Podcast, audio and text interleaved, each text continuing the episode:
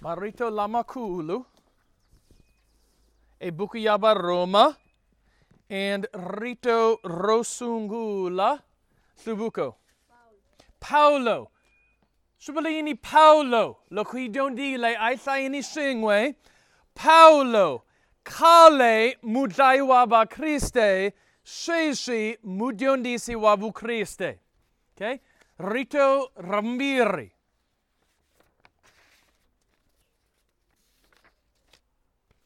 Audrey?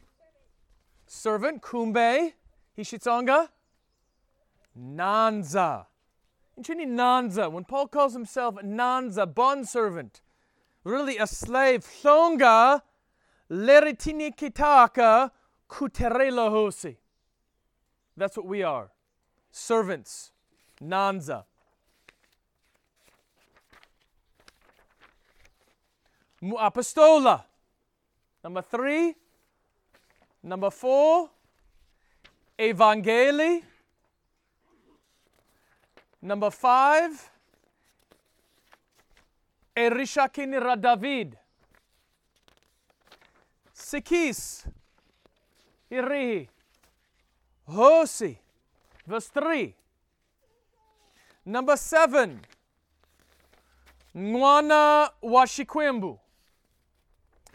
Number eight, kuyingisa ikufumela. Number nine, kufumela kunushipemu shinaru shakufumela. Someone says they believe. What are the three parts of true saving faith? Loku labu kufumela himpela nikumbela shipemu shanaru. Nathan? Thanksgiving. Mm-mm. Three parts of genuine saving faith. What are those three parts? Okay, labakutsala, hirakara hifusheta. Admit. Uh uh uh uh uh uh uh. Aishona, Aishona. Okay, hishilungu, knowledge, approval, trust. Vutibi or kutiba, kuamukela, kutsemba. If you don't have all three of these parts, aufumelangi himpela. Bangwana vana butibi and sena. They have the head knowledge, but they have not approved of that message. They don't agree with it. Or abatsembi. Hey, I I approve that 2 plus 2 equals 4, but I'm not trusting in that. Kutiba lishaku Yesu ufelishideo shavanu, hishona, ibutibi, and it might even be kuamukela, but to trust in that, ikuponisiwa.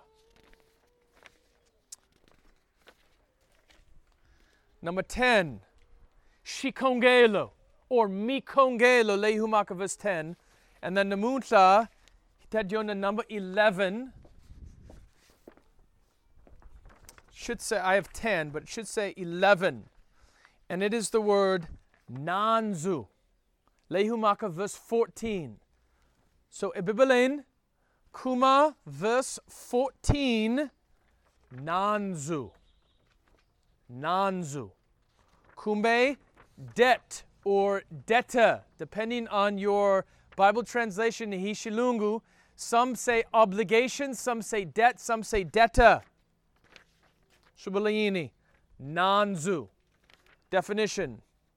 Vakrise baboheka kudiondisa evangeli hi kutsaka eka laba tareke ni laba ribalek. That's Shikongo Melushahina Sikaranamuntla. So Aikumeni Baroma 1. And Hitadionda verse 14 na 15. And there's three parts of my message today.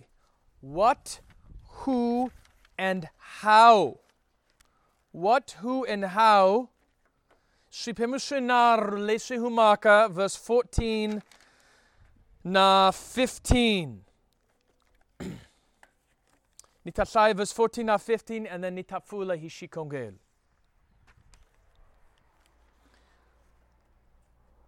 Yona i tlae kahin lilin.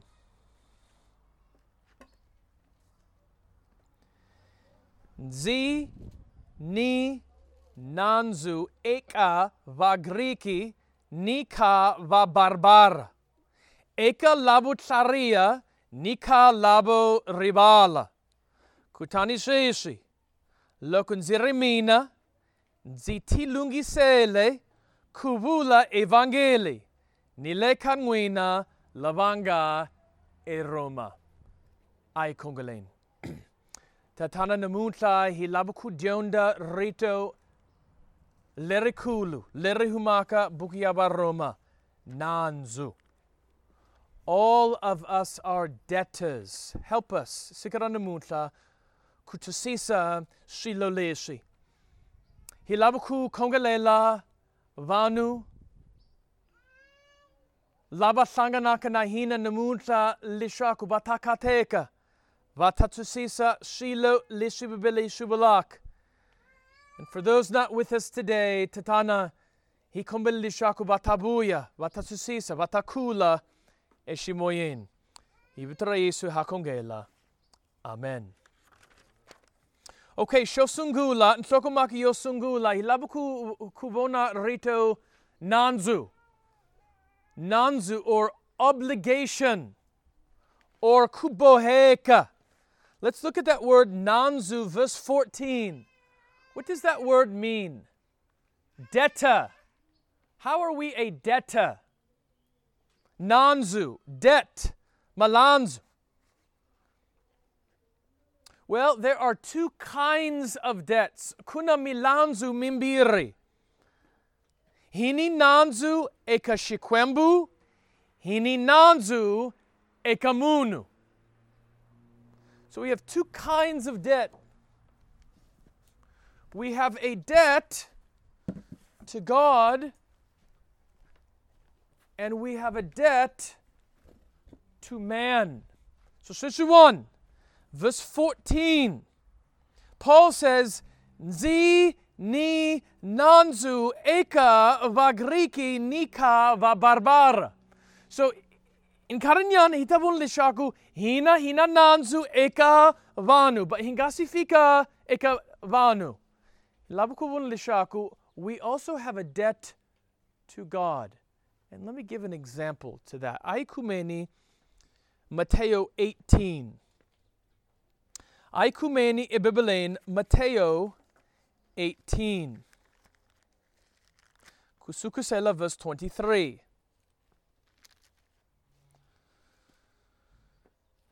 Hikuma shitori, le shitlamuselaka milanzu. We find a story explaining the idea of debts. Verse 23. Bodi regi kumbele ushaya, verse 23. hikwalaho ku fuma ka le tilweni ku fana ni hosi leyi rhandzeke ku fambela mi- ku kambela malandza ya yona Okay, Yemanyana. Hosi ishifani sushaman. The king here is a picture of whom? Nathan? Shikwembu. Right. Hosi leirandeke kukambela malanzia yona. Verse 24. Bodireji. kute loko a sungule ku hlaya ku tisiwa ka yena un'wana la nga ni nandzu wa titalenta ta dzana ra madzana Okay, now Yumanyan, I need to explain how much that is. Himasiku Lama, we would say something like a hundred billion trillion rand. He has Nanzu right here. 1,000, 1 million, 1 billion, 1 trillion, 1 zillion. That's his debt. That's his milanzu. That's what he owes to the king. Mina ni lombile, ni finiku buyisela one zillion rand. Shana nanzu loiwan. Munu loy ukotuku buyisela malina. Can he return this money? Uh-uh. Ile hentlan gofu. That's what he owes. Verse 24. Verse 25. Botirej. kambe hikuva a pfumala lexi a nga ri a nga rihaka ha xona hosi ya yena yi lerisa leswaku a xavisiwe ni nsati wa yena ni vana va yena ni hinkwaswo leswi a nga na swona nandzu wu ko wu hela Okay, hey, let's say Temba, Ufunkubuisela Mali. And he says, Kumbela Mali. And Temba says, Ah, Anishikoti. And Shikwimbushiri or Hosi Yiku, okay? Hikuba Aukoti Kuni Hakela. And Satua Wena. Nwanua Wena. Vatahoshiwa Ekotsin. Lishaku abanisiwa lishaku aukotiku vuisela mali. Verse 26. kambe nandza yoloyi a khinsama a khongela a ku hosi wa nga ndzi lehisela mbilu ndzi ta ku rihela hinkwaswo Okay, now, verse 26. He says, Nitariela inkwash shakoteke na. Ashikoteki. He says, hey, nikomelenkari. Just give me a little time and I will pay it back because I make a hundred rand a day. Imasiku, I make a hundred rand. So just give me a little time and I'll pay back the debt. Shakoteka na. No. If you gave him one year, could he pay this back? Two years, ten years, a whole lifetime, ten lifetimes, a hundred lifetimes. Ashikoteki. Temba anga chisisi lishaku his debt. Nanzwa yena ule hentle go for lishaku anga kotiku vuisela mali. That's the way we are.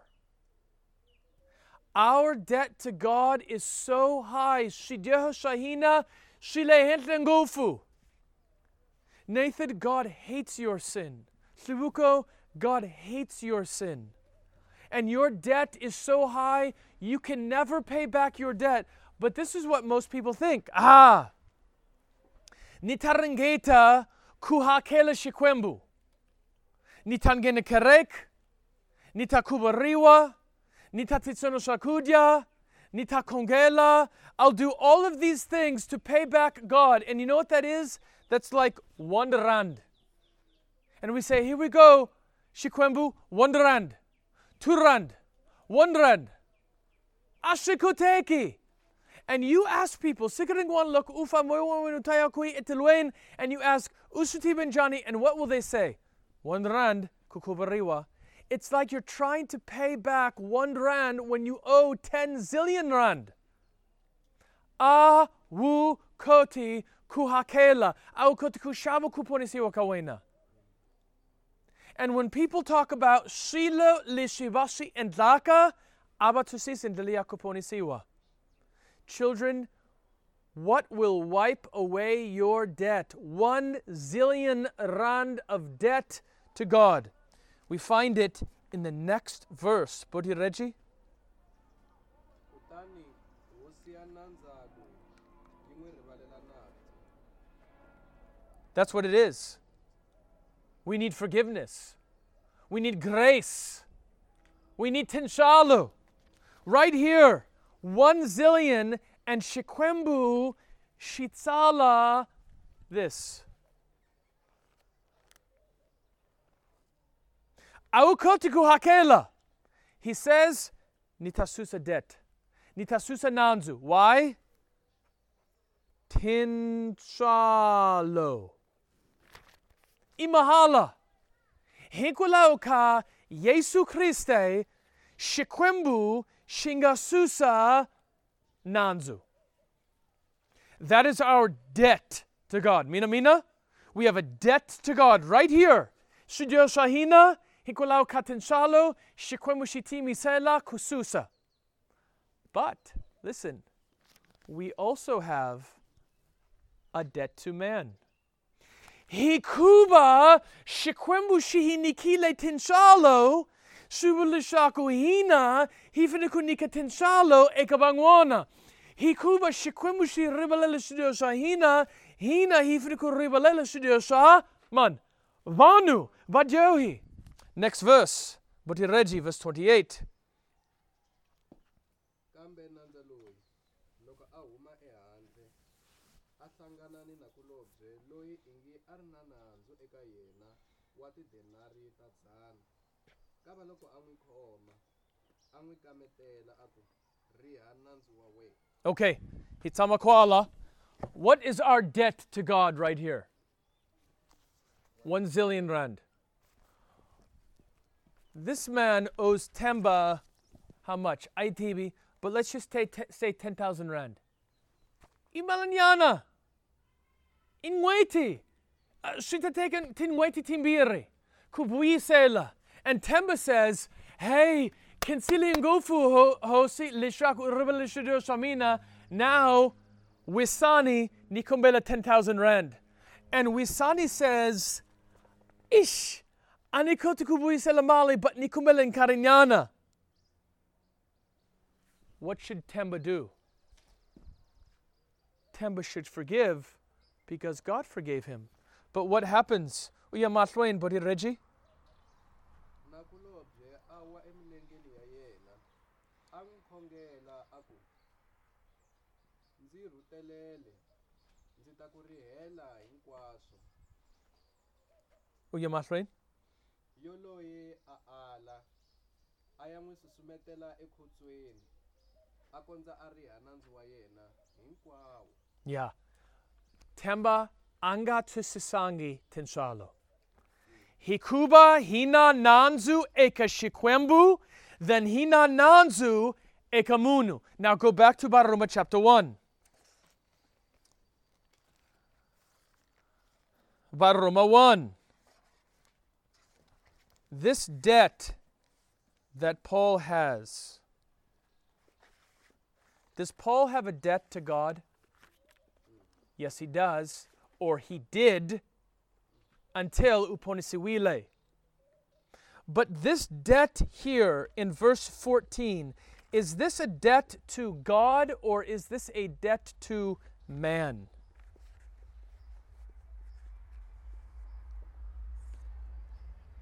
Verse 14 Paulo arinananzu eka shikwembu kumbemunu. Ekavanu. Look at verse 14. Nzi ni nanzu eka man. Vagriki na vabarbar. Paul says, because of the grace and the mercy given to me by God, now I have a debt to man. I have an obligation. Naboheka kudiondisa evangeli. Here's a good cross reference. Vakrintio Sungula 9:16. Vakrintio Sungula 9:16. Yiri. Hikuba hambi nzivula evangeli kwalaho anzina leishi nzinga tizunisaka hashona. Hikuba now wukona lonzi boheke. Kutani kunikombo ekamina loko ningavuri evangeli. Paul says, I have an obligation. And Christians have an obligation. Hishitsonga va Christe va boheka kuvula evangeli. Why? Tinshalo. Na boheka kubula evangeli hikuba niponisiwile nina nanzu ekavakatiani. But in Reggie, Audrey, Nathan, Shubuko, we have an obligation to give the gospel to Tiani. We have a debt to Tiani. Why? Because Kale, we had a debt to God and He gave us mercy. Are you with me? Do you understand that? We have a debt to two places to God and to people. We had a debt to God until Shikwemushiri Nakuribalela. I'm forgiving that debt by mercy, by grace. And because of that, now we have a debt ekavanu kudiondisa evangeli. So shosungula, what it is an obligation. We have a uh, haboheka, hinananzu. Number two, in Shokomaka, yabambiri. Who do we have a debt to? Hinananzu ekaman. va Greki ni va barbara. What do those two terms mean? Greeks and barbarians. Let me explain those two words Greeks and barbarians. Va Greki, va barbara. We'll say right here, these are the Greeks. We would say the Greeks are labatarieke. These are the wise people. These are the ones with education. It doesn't mean Vaponisiwile, it just means Vanganile University. Vatariile, Vanamali, Vanantiro. Vadyondile Ingofu Ishkulwin. Vabarbara, these are the uneducated. Abadyondangi Ishkulwin. Mikario Talaba Habamali. Abadyonisiwangi Ishkulwin. And Paul said, Mina naboheka kudiondisa evangeli ekaman. Va barbaran sena? Va Greeken sena? Hink wabo. Right? Hink wabo. Hey, a good example of that is Bodhiseth abadyondisi vaka ngwamatatani sena and abadyondisi vaka durbain sena. Vadyondisa vanu hinkwabo. Loku tlarile nitakudyondisa. Loku autlariangi nitakudyondisa. Loku ni- unantiro nitakudyondisa. Loku habantiro nitakudyondisa. We ought to give the gospel to every group of people. Timaka 1 and verse number 8. That's the idea there. Yiri. Nile tikweni hinkwa ra, Judea, ni ra Samaria, ni kuyafika e makunwini ya misaba. E ani diondisi vaka vayuda ensena, ani diondisi vaka Samaria ensena, ni diondisa vanu hinkwabo. Jacob 2, verse 1 Kufika 9 tells us not to show favoritism. Let's go to Bukuya Jacob.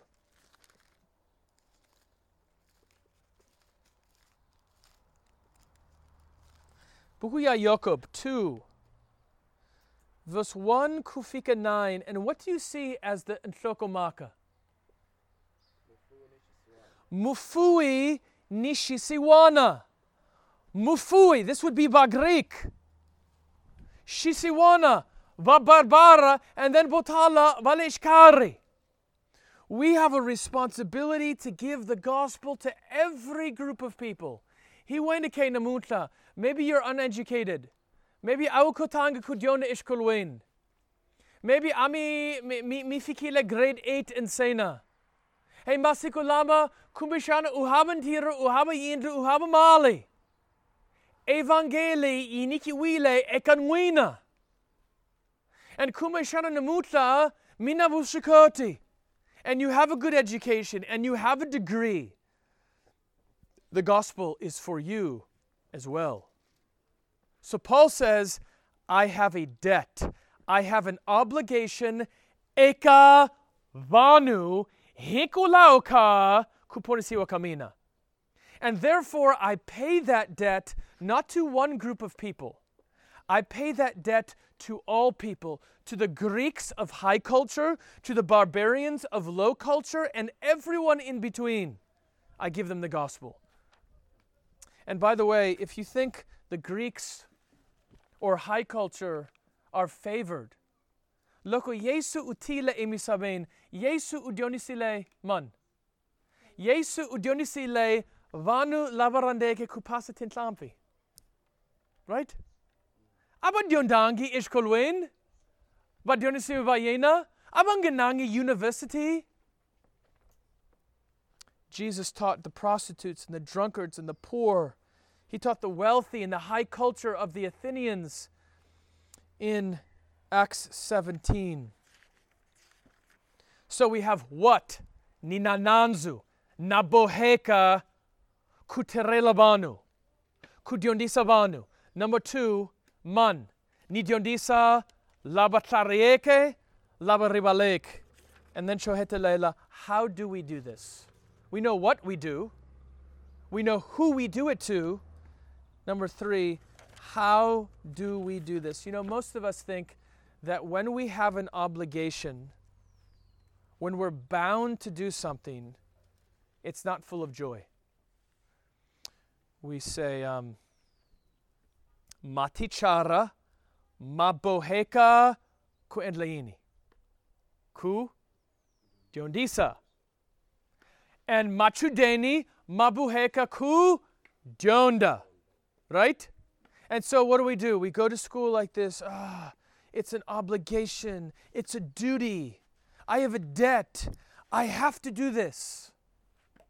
But notice what Paul says here in the next verse, in verse 15. Hambiloko Paulo vaboheka kudiondisa vakatiani. What does he do? He does it with joy. Bonani. Baroma 1 and verse 15. How does he carry out this obligation? Verse 15. Kutani shesh lokun ziremina zi tilungisele kubula evangeli. Muhunga Lamanene says this. Ni hisekelaka. I am zealous, or I am ready, or hishilungu, I am eager. Ninansako. Paul says, just because I have an obligation doesn't mean there's no joy. I'd like to use this phrase. I think this would be a good phrase, a uh, two good words for our evangelism in Tiani eager obligation. Those two words are important. Eager obligation. That means hishona ninananzu, but ninananzu hikutsaka. Every Sunday we go to Tiani. Every Thursday we go to Tiani. Every week I go visiting in Bokota. Why do we do that? We have an obligation. I feel bound. I must do that. Why must I do that? Why nifinukubula evangeli? Because I had a debt that God paid, and because Jesus Christ paid that debt, Eshihambangwen, now I have a debt to others, to sinners, to the Greeks, to the barbarians. But even though I have that debt, I have that obligation, I must do it, I do it with joy. I do it with eagerness. I don't do it with a frown. I don't do it angrily. I don't go to Tiani and say, oh, we have to go. Owen, I hope you don't feel that way. Subuko, I hope you don't feel that way. When you when you go with us on evangelism, I hope you say, we get to do this. Now we have to do it, but at the same time, we get to do it. Those are the two words. Eager obligation. Naboheka hikutsaka kudiondisa vanu hinkwabo. So let's, re- let's review this again. What's the lear- word that we learned today?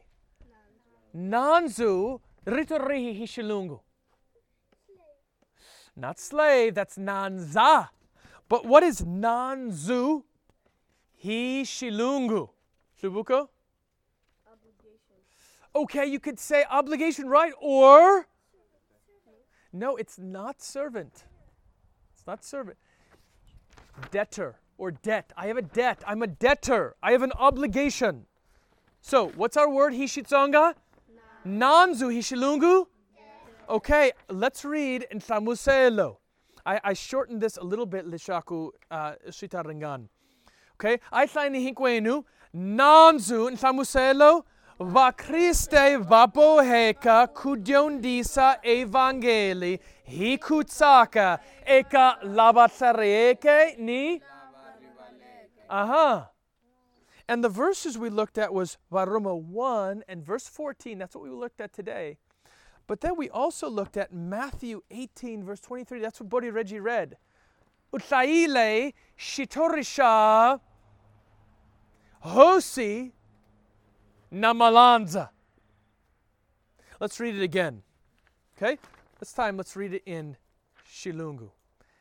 Deta nakambe, deta nakambe, deta and samuselo, Christians are obligated to teach the gospel with joy to the wise. Okay, Nakambe. Christians are obligated. That's right. Who can say that? Namutla hidondile nikombela rito hishitsonga. Rito hichits- hishitsonga hidondile ritorihi. Audrey? Nanzu. Hishilungu ritorihi. Hishilungu. Lawson? Deta. Who can tell me the definition? Nhlamuselo hishitsonga. Botireji? Christians are obligated to teach the gospel, uh, to teach the gospel With with uh, with joy with joy. Eka. to Right. Hishitsonga? Who can tell me in Tsonga? I'll help you out. Va Christe va. Who can do it? Va Christe va. Okay, let's do it again. Okay?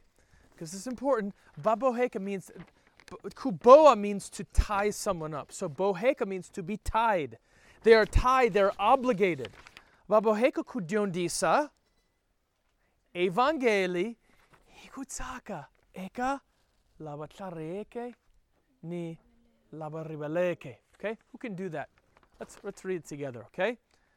Vito nanzu nhlamuselo va Christe vaboheka kudiondisa evangeli hikutsaka eka laba tlarieke ni laba hishona. Kuna munu?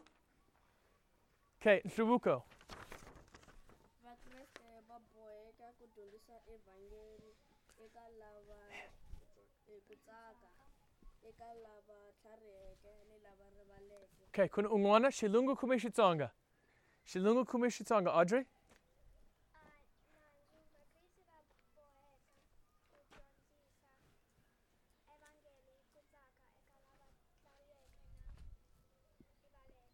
If someone asks you what you learned today, if you could summarize it in one sentence, that's what we learned today in verses 14 and 15. Kuna ungwana lasan shilungu kumishitsonga. nanzu hiku Va Christe va bohela va boheka va boheka ku. Why don't you try it in shilungu? okay Uh, what's the word? debtor Right. christians are are tied Or, or, or we would say he obligated christians are obligated to teach the, the gospel to the with. with joy to the wise and the unwise Right. Kun ungwan? Owen. are obligated to are, are obli- Obligated to what? to joy, To to do what? What are we obligated to do? to preach with joy, To teach the gospel. Isn't that amazing? We normally think of obligation and joy as oxymorons. They don't go together. But Paul puts those together. He said, I'm zealous, I'm eager, but at the same time, I have an obligation. Kun ungwana? Lawson. Debtor. Christians are obligated to teach to the to teach the gospel to the to the To teach the gospel with? the gospel with joy to the wise and to the unwise. Right. Kun ungwana? Juliana? Christ, debtor. Christians are obligated to teach the gospel with joy and To? the. to wise and unwise. Good. That's what we learned today. Nathan, last one. Um, debtor. Christians are obligated to teach with joy uh, to the uh, wise and unwise. Yeah. Hey, let's put this to practice. Too often today, what do we say? I just heard this this morning from someone at our church. And they said, you know what? I haven't been coming because I don't feel like it. We live in a world today that loves to follow their feelings. If I don't feel like going to work, I don't go to work. If I don't feel like being faithful to my spouse, I won't do it. If I don't feel like going to church, I won't go to church. Paul says, no, no, no, no. I have an obligation, naboheka. I must do it, even if I don't want to. But at the same time, the, the, the ideal is to have the duty, naboheka, kudyondisa, and at the same time, hikutsaka, hichiberika, hikuhiseka, nasulaba. Today, let's put this into practice. Let's strive to have the objective and the subjective, to have the feeling of wanting and at the same time knowing, you know what? I just have to do it. Sometimes I just have to do it, even if I don't want to do it. Paul said, Woe unto me if I preach not the gospel. I have to preach the gospel. Why? Because of what Christ has done for us. And when we remember what Christ has done for us, we will then tell the gospel to other people. Aitsipain. Ai kongalin. O tatana namutla hilabukumi kensa lishaku utimi sela kuribalela shideho shahina hitiba lishaku haboheka kudyondisa evangeli hi kutsaka. Eka laba tlareke ni laba ribaleke. Hi kumbel lishaku vanu laba chavaka kun gene karek lishaku batabuya lishaku batakatek considering fu baroma 1 verse 14 na 15 hibitra yesu ha kongela amen.